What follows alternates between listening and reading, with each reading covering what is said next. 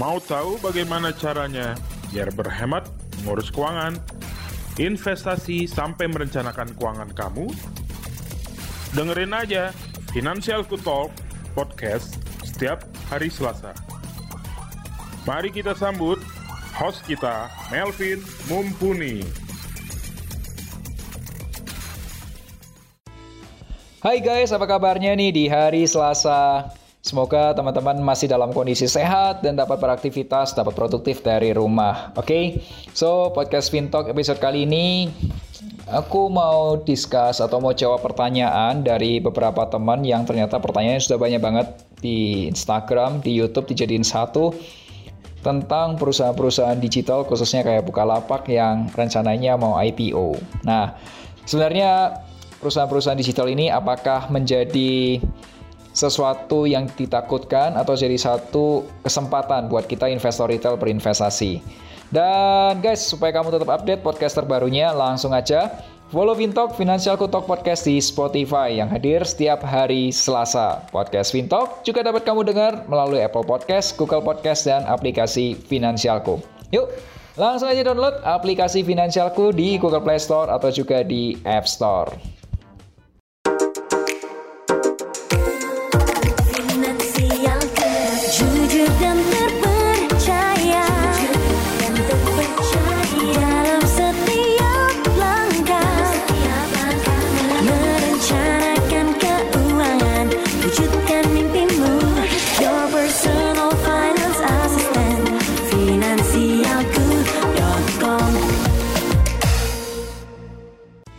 Buat sobat finansialku, para pendengar podcast Wintalk, jika kalian mengalami kegalauan mengenai keuangan, investasi, asuransi, atau apa pun itu, boleh langsung curhat ke podcastnya Finansialku. Caranya gampang banget, kamu download dulu aplikasi Finansialku di Google Play Store atau di App Store.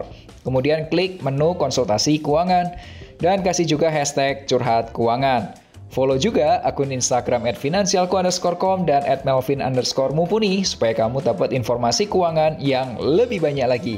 Dan aku juga punya satu video namanya Melek Finansial bersama Melvin Mumpuni di YouTube channel finansialku.com. Videonya tayang setiap hari Rabu dan di episode besok aku akan cerita tentang gini ya guys.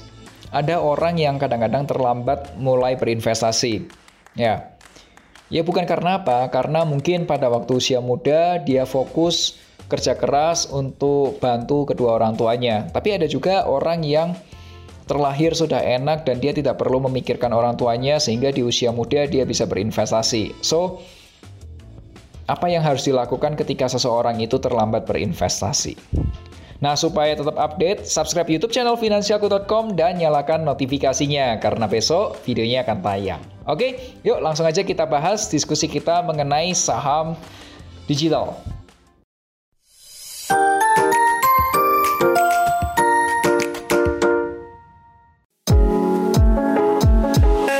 Halo guys, di podcast kali ini bisa jadi berbeda dengan podcast Fintalk sebelumnya karena aku mau jawab beberapa pertanyaan terkait tentang saham digital atau perusahaan-perusahaan digital yang sudah dikumpulkan oleh Minku dan ternyata cukup menarik untuk kita bahas ya.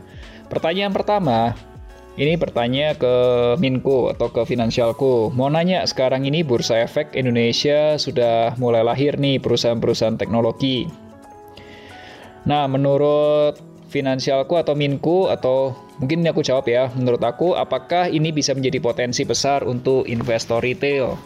Ya, jadi teman-teman sobat finansialku tahu lah ya, Bursa Efek Indonesia ini sekarang lagi rame karena ada perusahaan-perusahaan teknologi, contoh ada bank digital, ada Arto, Bina, PPKP, PABP, dan lain sebagainya. Kemudian ada juga perusahaan data center, contohnya DCII atau Edge dan yang terbaru yaitu IPO-nya Bukalapak yang katanya akan menggunakan kode Buka BUKA.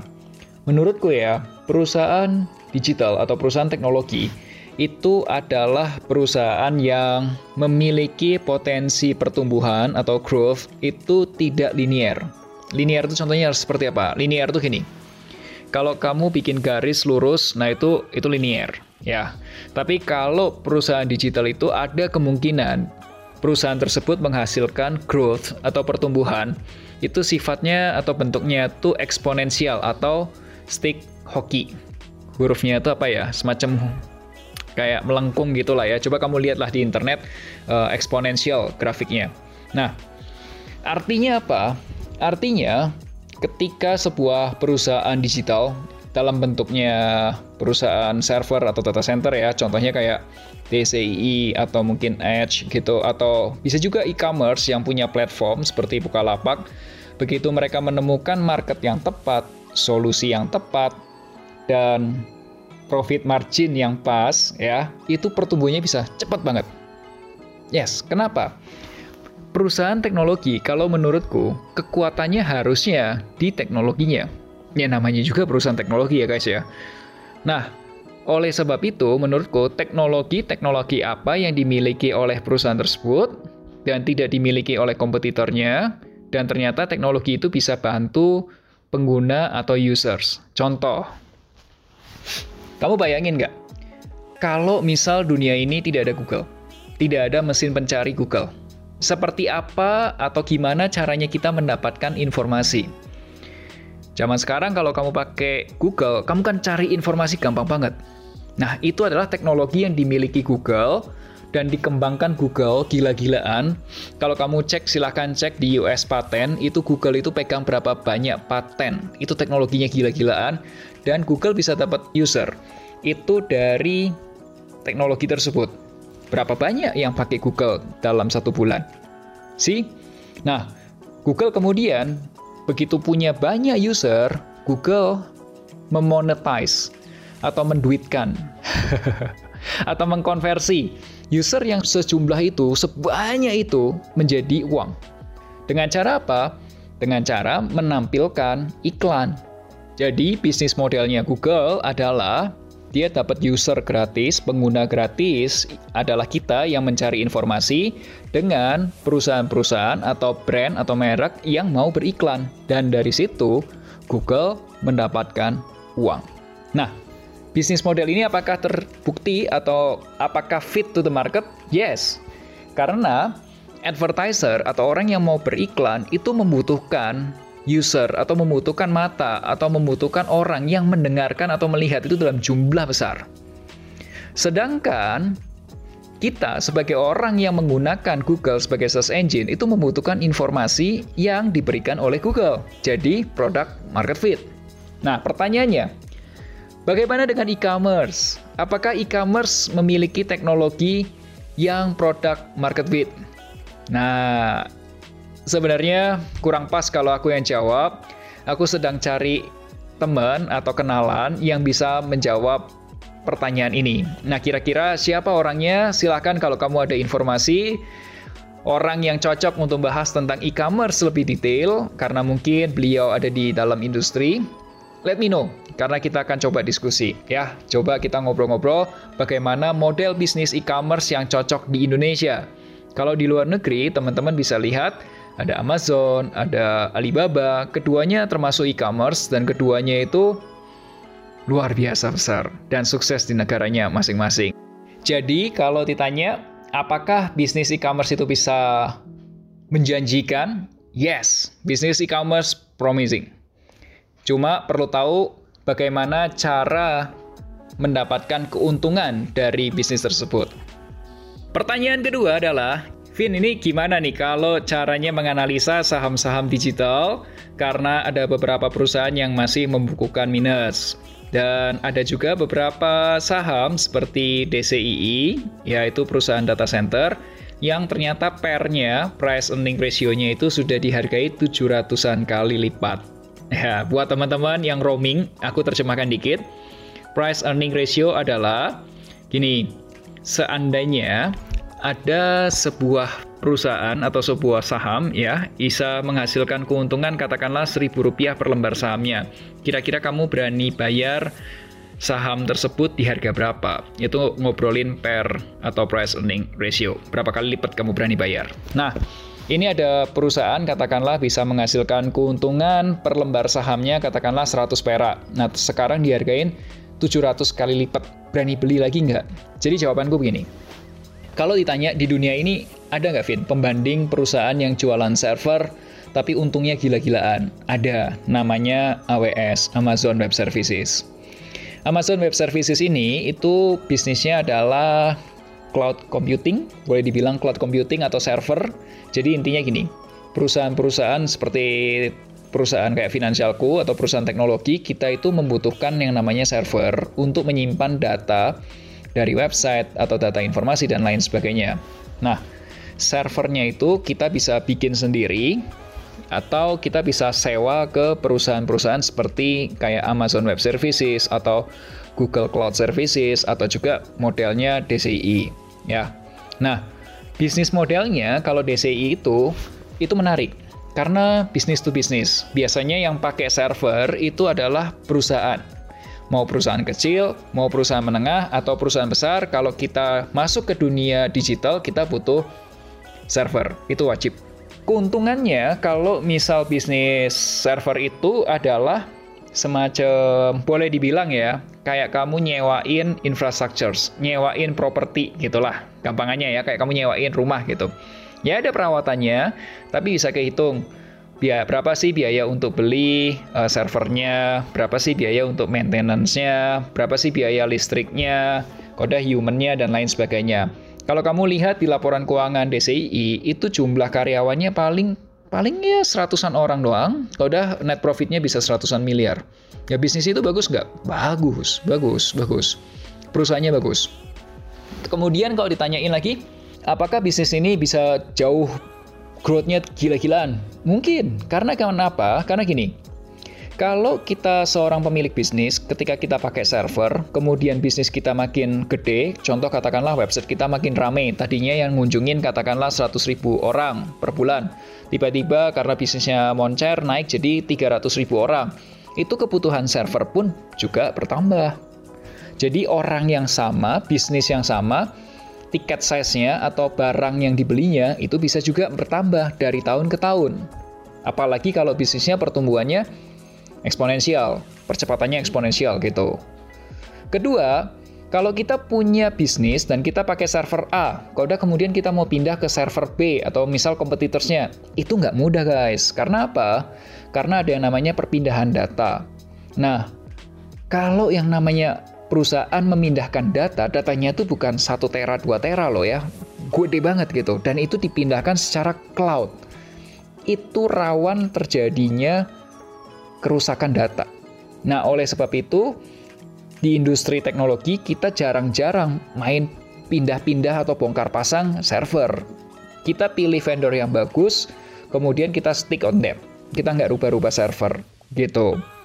Nah, makanya bisnis kayak semacam DCI itu kalau kamu mau research lebih dalam, ada istilahnya itu namanya Infrastructures as a Service. Jadi IaaS. Kamu coba aja research lebih dalam tentang bisnis IaaS ini. Nah, kalau DCI sendiri apakah uh, worth to buy gitu? Nah, sekarang gini guys. Coba diperkirakan kalau misal dinilai 700 kali gitu, apakah itu worth to buy or not? Itu tergantung masing-masing ya guys. Aku nggak bisa kasih tahu juga worth to buy or not, tapi yang jelas gini, kalau perusahaan teknologi di Amerika, mereka bisa dihargain tinggi banget. Bisa nggak, Vin? Sampai ratusan persen gitu? Ada. Tesla itu gede banget. Coba kamu lihat PR-nya Tesla. Gede banget, ratusan persen. Bahkan Tesla di masa waktu naik-naiknya itu aku pernah lihat paling tinggi itu 900 kali lipat gitu atau 1000 kali lipat gitu. Gila nggak? Gila banget, gila banget. Tapi kenapa? Karena orang yakin bahwa bisnisnya itu akan bertumbuh gila-gilaan. Apa yang menyebabkan pertumbuhannya gila-gilaan? Nah, kalau menurut teorinya itu ada yang namanya economic moods. Ya, aku pernah bahas di YouTube, itu aku ceritain singkatannya SINS. Kamu coba aja lihat, itu ada switching cost, intangible assets, dan lain sebagainya. Kamu cek aja di YouTube, channel finansialku.com. Nah, itu yang membuat bisnis teknologi atau bisnis apa pun itu bisa bertumbuh dengan cepat. Itu dia guys.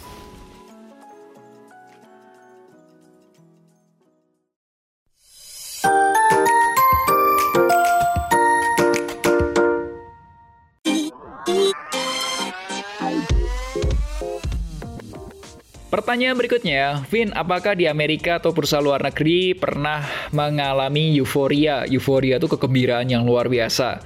Ya, atau entusiasnya gila-gilaan gitu terkait saham teknologi. Dan gimana pada waktu itu ceritanya?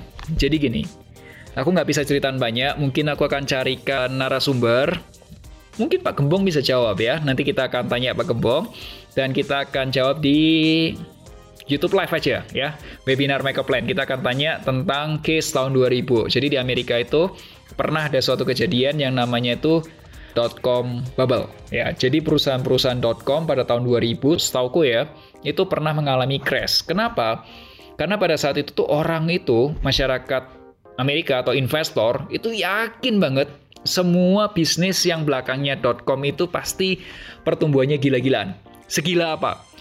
Kamu beli saham .com hari ini, katakanlah dua bulan lagi sudah 100% naiknya, atau 200% naiknya. Ya, sama seperti kegilaan di kripto gitu, cepet banget naiknya. Volatile nggak? Naik turunnya kenceng nggak, Vin? Kenceng banget. Nah, pada saat itu banyak perusahaan yang dihargai jauh lebih tinggi daripada kemampuan earningnya dia. Daripada kemampuannya perusahaan tersebut mencetak uang. Dan pada saat itu perusahaan.com banyak yang belum memiliki core atau the fundamentals. Jadi kayak produk market fit-nya belum ready, kemudian gimana cara monetize-nya juga belum ready, dan lain sebagainya. Jadi case-nya sama nggak seperti yang mirip-mirip Indonesia zaman sekarang? Aku nggak bisa ngomong sejauh itu karena dataku juga belum menunjang untuk memberikan klaim seperti itu. Nanti detailnya, aku coba akan riset lebih dalam uh, tentang perusahaan-perusahaan.com ini dan nanti kita akan sampaikan di webinar Makeup Plan aja gitu ya, supaya kita bisa bahas lebih detail lagi apakah kegilaan atau euforia ini seperti yang terjadi di tempat Amerika. Tapi yang jelas sekarang ini aku lagi research tentang uh, bank digital. Nantikan ya guys. Guys, ini ada pertanyaan bagus lagi. Dia bilang gini, Vin, menurut kamu kalau investasi kita cocoknya itu didiversifikasikan dibagi gitu ke banyak perusahaan atau ke banyak produk atau mendingan difokuskan aja. Karena kalau difokuskan itu untungnya bisa lebih gede. Ya, oke. Okay. Ini pendapatku ya dan bisa jadi ada orang yang punya sudut pandang yang berbeda but it's okay. Jadi fungsi utama orang melakukan diversifikasi itu apa sih? Tujuannya itu untuk mengurangi risiko. Itu adalah part of manajemen risiko. Nah, kalau Benjamin Graham, itu gurunya Warren Buffett pernah mengatakan, The essence of investment management is not management of return, but management of risk atau risk management. Nah, apakah kalau misal disebar itu jadi untungnya dikit? Belum tentu. Belum tentu. Tergantung bagaimana cara kamu melakukan diversifikasi. Contoh, kalau kamu diversifikasinya itu ke terlalu banyak produk. Katakanlah kamu punya reksadana, punya saham, punya P2P lending, punya obligasi, punya kripto, terus masing-masing punya pegang dua atau tiga produk. Wah, itu terlalu banyak. Dan itu malah nggak keurus ujungnya. Diversifikasi bukan berarti ujungnya kamu punya banyak, kamu koleksi, terus nggak keurus. Bukan begitu, itu bukan diversifikasi. Diversifikasi itu tujuannya seperti ini. Misal, ketika kita uangnya 100% di saham, dan ternyata saham itu lagi jelek gitu, ya kinerja kita ya akan ikut jelek juga. Nah, kalau kita bagi katakanlah dari 100% uang kita, katakanlah 50% di saham, 50% di reksadana. Mungkin reksadana pasar uang gitu. Nah, reksadana pasar uang itu fungsinya untuk defense atau untuk bertahan. Ya, reksadana pasar uang mungkin returnnya setahun 4-5%. Kalau yang benar-benar keren atau yang benar-benar outperform, itu bisa sampai 6%, tapi itu jarang banget. Ya udah, berarti kan setengah uangmu tuh returnnya cuma 5%. Nah, kalau 100% dimasukin saham gimana, Vin? Ya kalau saham pilihan kamu bener, ya harganya akan naik gila-gilaan. Ya kamu untungnya lebih gede. Tapi sebaliknya, kalau 100% uang kamu di tempatnya saham dan sahamnya lagi jelek, ya yang hilang ya sepenuhnya uang kamu. Menurutku, balik lagi, fungsi investasimu apa? Seperti yang aku bilang ya, orang kaya itu berinvestasi. Orang kelas menengah juga berinvestasi. Orang kaya investasi untuk apa? Untuk duplikat atau untuk replikat kekayaannya dia. ya wajar aja. Misal nih ya, ada orang yang punya kekayaan katakanlah 100M, 10M-nya dia invest di saham semua, ya nggak apa-apa juga. Mau hilang 10M pun dia masih punya yang 90M lainnya. Nah kalau kita punya uang 100 juta, 100 jutanya itu semua dimasukin saham, hilang 100 juta, kita udah habis modalnya. Itu naker kekuatannya kita. Kalau kita mau invest, ingat dulu tujuanmu apa. Nah, kalau kelas menengah, saranku adalah ketika kita berinvestasi, tujuan utamanya supaya investasi itu bantu kita mewujudkan tujuan keuangan kita. Kendaraannya kita untuk nyampe ke tujuan keuangan kita. Contoh, kita mau beli rumah, katakanlah DP-nya 300 juta, 2 tahun lagi. Ini kalau kita kejar pakai kita kerja keras ya, nabung tiap bulan, itu nggak nyampe katakanlah ke 300 juta. So, apa yang harus dilakukan?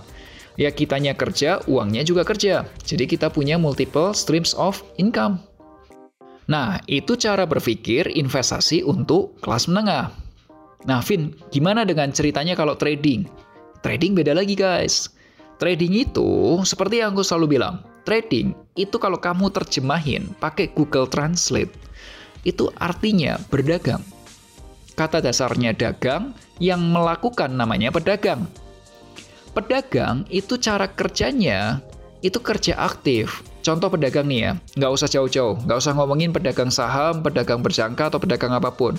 Ini aku kasih contoh, orang yang dagang makanan, punya rumah makan atau punya warung kopi. Yang mereka lakukan, ya mereka kegiatan aktif atau penghasilan aktif. Contoh, beli biji kopinya, kemudian mulai bikin kopi, mulai cari marketnya, dan lain sebagainya. Itu pekerjaan aktif. Sama seperti orang dagang pada umumnya, ya gitu. Kalau berdagang saham dan berdagang, perdagangan berjangka atau berdagang apa pun itu, ya fungsinya sama. Itu bukan investasi, itu kegiatan active income. Jadi, ada perbedaan antara trading dan investing. Trading itu lebih ke active income, investing itu lebih sifatnya ke ya uang kamu yang bekerja. Oke, sampai sini udah jelas perbedaan keduanya. Dan kalau kamu mau investasi, apakah kamu investasi yang terkonsentrasi? Contohnya cuma beli satu saham atau dua saham aja, atau beli beberapa produk investasi. Nah, tergantung posisi kamu sekarang kayak apa. Misal, sekarang ini kamu seorang investor dengan uang katakanlah 100 sampai 200 juta atau mungkin sampai 1 miliar lah, oke? Okay? Nah, kamu lihatnya investor retail juga. Kalau kamu cara investnya sama seperti investor atau institusi investors yang dana kelolaannya ratusan miliar ya beda kelas, caranya pun juga berbeda. So makanya ketika kamu berinvestasi kembali lagi ke tujuan awalmu dulu. Kenapa kamu mau berinvestasi? Buat apa kamu mau investasi? Yes, dan kemudian setelah tujuannya apa baru tentukan strateginya. Jangan kebalik-balik. Oke? Okay? Wah, nggak kerasa nih ya, udah pertanyaan kelima. Kayaknya lumayan panjang juga podcast kali ini. Dan pertanyaan terakhir adalah kalau ada orang yang mau investasi tapi belum tahu sama sekali sarannya apa. Ya ini ada dua saran sih. Kalau kamu niat belajar, ya saranku belajar dulu. Kenapa? Ya kalau kamu nggak ngerti apa yang kamu invest, gimana bisa untung? Itu satu. Kalau misal kamu nggak punya waktu, atau tidak mau meluangkan waktu untuk belajar gimana? Ya udah kamu coba aja tanya sama teman kamu atau kenalan kamu yang sudah mempunyai experience atau pengalaman di pasar modal atau di investasi tersebut. Belajar dari teman kamu bolehlah, bisa. Atau kamu bisa menggunakan jasa profesional seperti penasihat investasi ya. Itu dia diskusi kita hari ini. Buat teman-teman yang pengen belajar, silahkan cek di financialku.com. Itu kita punya grup belajar saham dan grup belajar reksadana. Itu setiap bulan kita akan ada live yang bahas tentang topik-topik saham dan reksadana terbaru. Ya, untuk informasi detailnya kamu boleh cek di Instagramnya Financialku at financialku_com, tanya aja Minku. Oke, okay, thank you guys. Dan teman-teman, di podcast ini kesimpulannya satu, teman-teman saham teknologi itu bukanlah saham yang harus ditakuti, tapi justru itu adalah opportunity kita. Jadi investor retail bisa belajar satu hal baru, industri baru yang menjanjikan juga. Nah, kedua, ketika kita berinvestasi, apa pun itu investasinya, sesuaikan dengan tujuan keuangan kamu. Tujuan keuangan jangka pendek, tujuan keuangan yang jangka menengah, atau tujuan keuangan yang jangka panjang.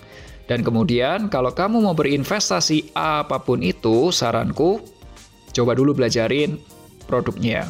Kenapa? Karena kalau kamu sudah ngerti produknya, itu satu step untuk mengurangi risiko rugi. Tapi kalau kamu sampai nggak punya waktu, ya udah, kamu cari profesional atau kenalan kamu yang bisa bantu kamu. Oke, sampai jumpa di podcast Fintalk hari Selasa depan. Akhir kata, make a plan and get your financial dreams come true.